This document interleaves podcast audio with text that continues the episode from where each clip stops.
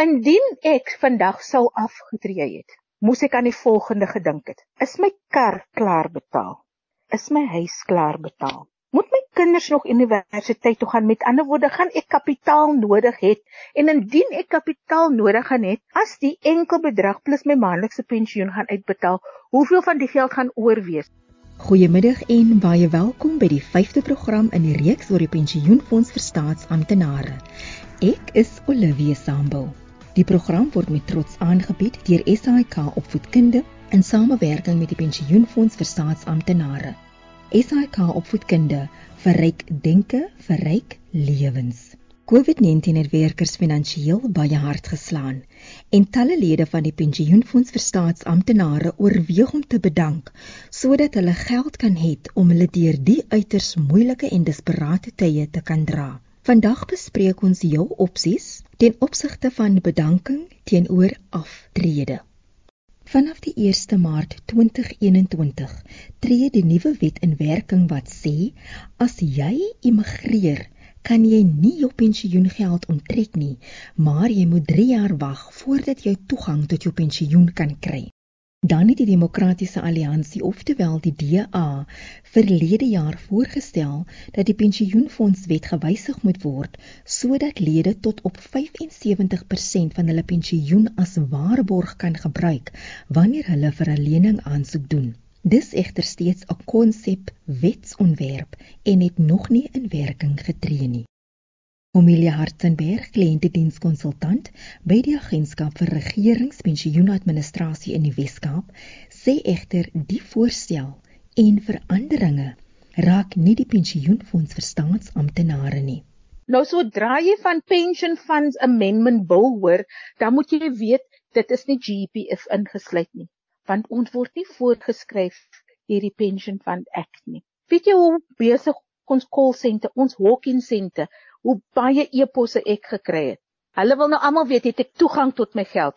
Nou my gewone man op die straat gaan nie besef it's a pension fund amendment bill GEPF vorm nie deel daarvan nie. Van retirement annuities, waar die president gesê het vir 3 jaar mag jy nie as jy retire en jy trek oor jy met ander woorde jy immigrate dan as jou geld so by 'n retirement annuity is dan is daar 3 jaar wat jy nie jou geld kan onttrek nie al jou geld saam met jou kan oorsee vat nie weereens dis nie GEPF nie Lede wat onseker is of hulle moet bedank, moet hulle opsies mooi oorweeg, want dis 'n uiters persoonlike besluit wat jou en jou familie gaan raak. En slegs 'n finansiële adviseur het die nodige kennis om vir jou raad te gee. En wat ek gewoonlik doen as ek 'n aanbieding doen ten opsigte van aftredes en bedankings, het ek 'n slide vir my ingebou om te sê bedanking teenoor aftrede. Kom ons kyk wat jy kry by bedanking. Kom ons kyk wat jy kry by aftrede. Sê kom ons gaan gou terug na bedanking toe. Wie van julle kan met geld werk? Dan maak ek dit persoonlik dan vra ek vir hulle, wie van julle het klomp familie wat lief is vir geld? As jy jou geld kry kom hulle leen, jy weet nie dan gee jy dit terug nie. En ek sluit af. Onthou, jy weet, jy het nog 3 of 4 kinders wat universiteit toe moet gaan. Jy weet of jy nog 5 ander polisse het wat jou maandelikse in. Jy weet al goed ek weet nie. Jy is die beste persoon wat kan besluit wat die beste vir jou gaan wees. Nie Amelia Hartzenberg nie. Ek het jou net al die feite gegee goed wat jy moet gaan herkou sodat hulle ingeligte besluit kan maak. As jy van een departement na ander verplaas word, het jy ook nie toegang tot jou pensioen nie. Die manier hoe 'n persoon uit diens tree, gaan bepaal hoe die voordeel betaal gaan word. Nou kry jy 'n persoon wat byvoorbeeld by Tygerberg Hospitaal werk en die persoon het 'n ander pos gekry by Karl Bremer. So as die personeelbeampte dit gelaai het as 'n transfer van een departement na 'n ander, kan my lid nie die geld cash nie. So dit is 'n transfer tussen departemente. Dis nie 'n bedanking of 'n aftrede of of die persoon kan bedank by die eerste departement en het 'n nuwe pos elders anders gekry. Dan is dit daai lid se keuse alhoewel hy of sy bedank het by die een departement en begin dit by 'n ander departement, dan mag die lid kies om nog steeds aan te gaan. Hy het bedank by die departement, maar hy wil nog steeds aangaan met sy pensioen. So by departement nommer 2 gaan hulle dan sekere dokumentasie invul en sê hierdie persoon het vandag hier begin werk, maar hy kom oor met sy pensioen geld of voordeel. Weereens gaan ons kyk na die dokumentasie wat voltooi word, hoe die persoon uit diens uitgestel was by op perseel. Toevallig het ek 'n navraag gehad, iemand wat getransfer het van een provinsie na 'n ander, maar die exit reël, hoe die persoon geexit was op die, in die ander provinsie was 'n transfer.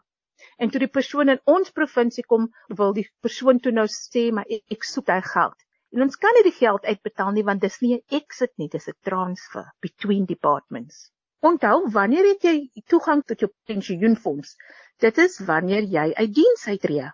En 'n transfer is nie uit diens uittreë nie, dit bly 'n transfer. Jy het wel nou toegang tot inligting aanlyn. Ons het nou hierdie fantastiese programmetjie waar jy jouself kan registreer.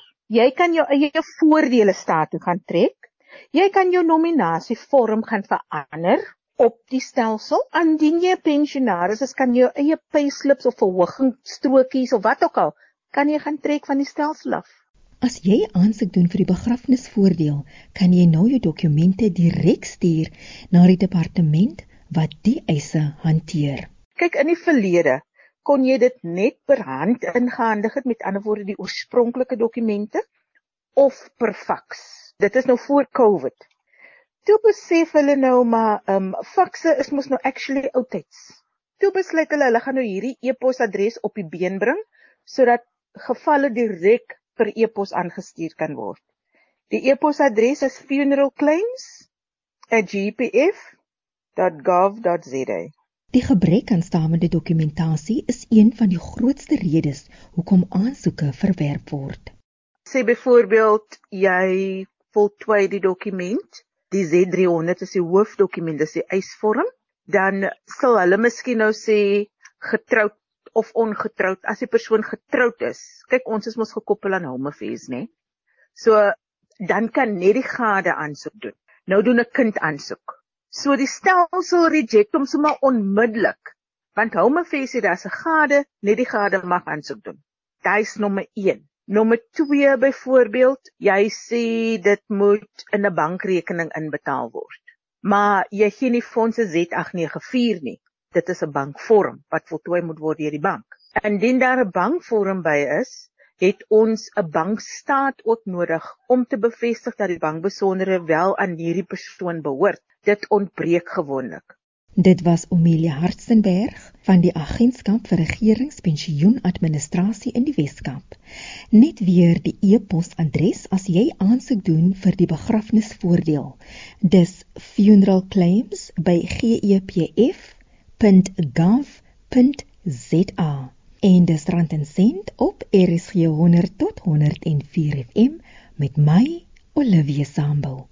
Stuur gerus 'n WhatsApp teks of stemboodskap na 076 536 6961 of stuur 'n e-pos na randencent.rsg@gmail.com.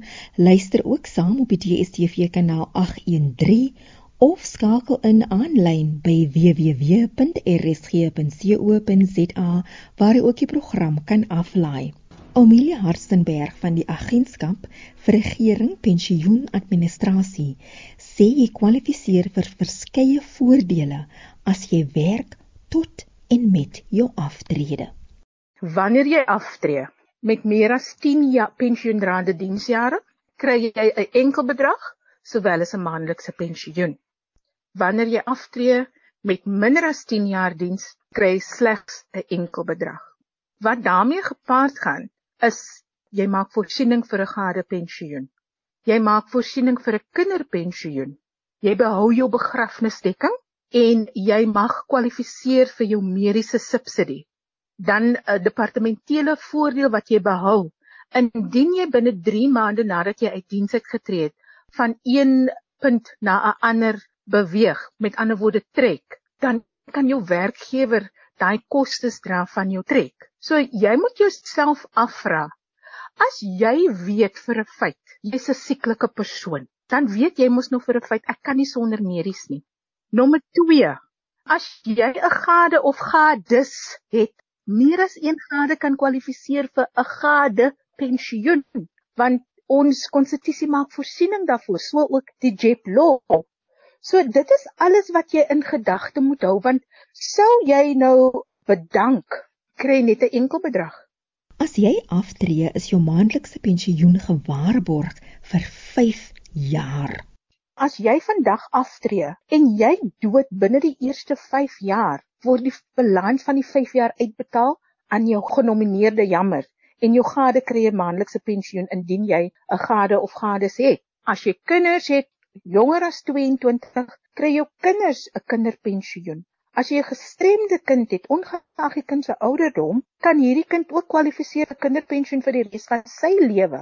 Wat vir my die belangrikste is vir my lede om te weet, na 5 jaar nadat jy op pensioen was, is jou pensioen op. Maar ons kan nie sê Meneer mevrou, um sorry, jou pensioen is nou klaar nie, want die reëls van die fonds sê ons moet maandelikse pensioen betaal vir die res van daai persoon se lewe. So as die persoon 120 jaar oud raak, moet ons elke maand die persoon 'n maandelikse pensioen gee. En die pensioen verhoog ook nog elke jaar april maand. Belasting wanneer jy bedank teenoor wanneer jy aftree word op verskillende maniere bereken. Kom ek maak 'n voorbeeld. My voordeel is 'n miljoen rand en ek bedank. Indien ek diensjare gehad het voor Maart 98, gaan SARS sê die gedeelte voor Maart 98 mag nie belas word nie, want die belastingwette laat ons nie toe om jou te belas vir daardie periode nie. Vir argumente ons sal kom ons sê dis 200 000 rand wat geakkumuleer het voor Maart 98. So dit word eenkant gesit. Dit kan nie gebelas word nie, né? Nou sit SARS met 'n 800 000 rand. Dan vra SARS, "Hoe verlaat hierdie persoon diens?" Dan sê GEPF SARS, "Die persoon bedank." Sê hulle goed en wel. Die persoon bedank. Nou gee ons vir die persoon nog 'n addisionele bedrag afslag op hierdie 800 000 rand. Wat gaan wees? 25 000 rand addisionele afslag, rebate. Dit word ook eenkant gesit. So met ander woorde, 225 000 rand gaan nie belas word nie. Hy's eenkant. Maar hierdie 775 000 rand wat nog by SARS is, gaan SARS nou aanslaan. Die eerste 600 000 rand 18%. Die volgende 300 000 rand 27%. Indien daar nog 'n bedrag oor is, 36%. So die belasting wat jy betaal ten opsigte van bedanking en jy neem die geld in jou eie rekening kan nogal swaar wees. Dit kan baie geld wees. Jy betaal veel minder belasting wanneer jy aftree. Nou kom ons vat dieselfde bedrag en ons sê hierdie persoon tree af. SARS gaan kyk watter bedrag het geakkumuleer voor Maart 98. Ons sê weer is 200 000 rand. Maar nou vra SARS, hoe verlaat hierdie persoon diens? Dan sê ons aftrede, meneer SARS. Dan sê hulle, "Oké, okay, ons gee nou vir jou addisionele 500 000 rand afslag op hierdie 800 000 rand.